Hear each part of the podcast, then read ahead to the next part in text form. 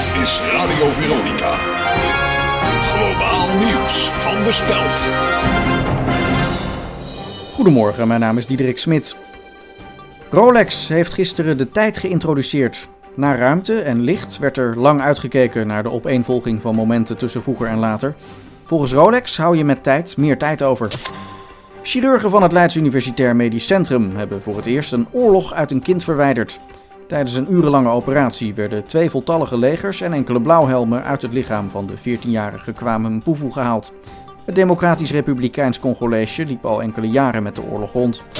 Nieuwegein is een vergissing. Dat vindt de meerderheid van de lezers van Speld.nl. Op de vraag of de Utrechtse gemeente een vergissing is, antwoordde 100% met de vraagsteller is een beantwoorde. En tot zover meer nieuws op Speld.nl.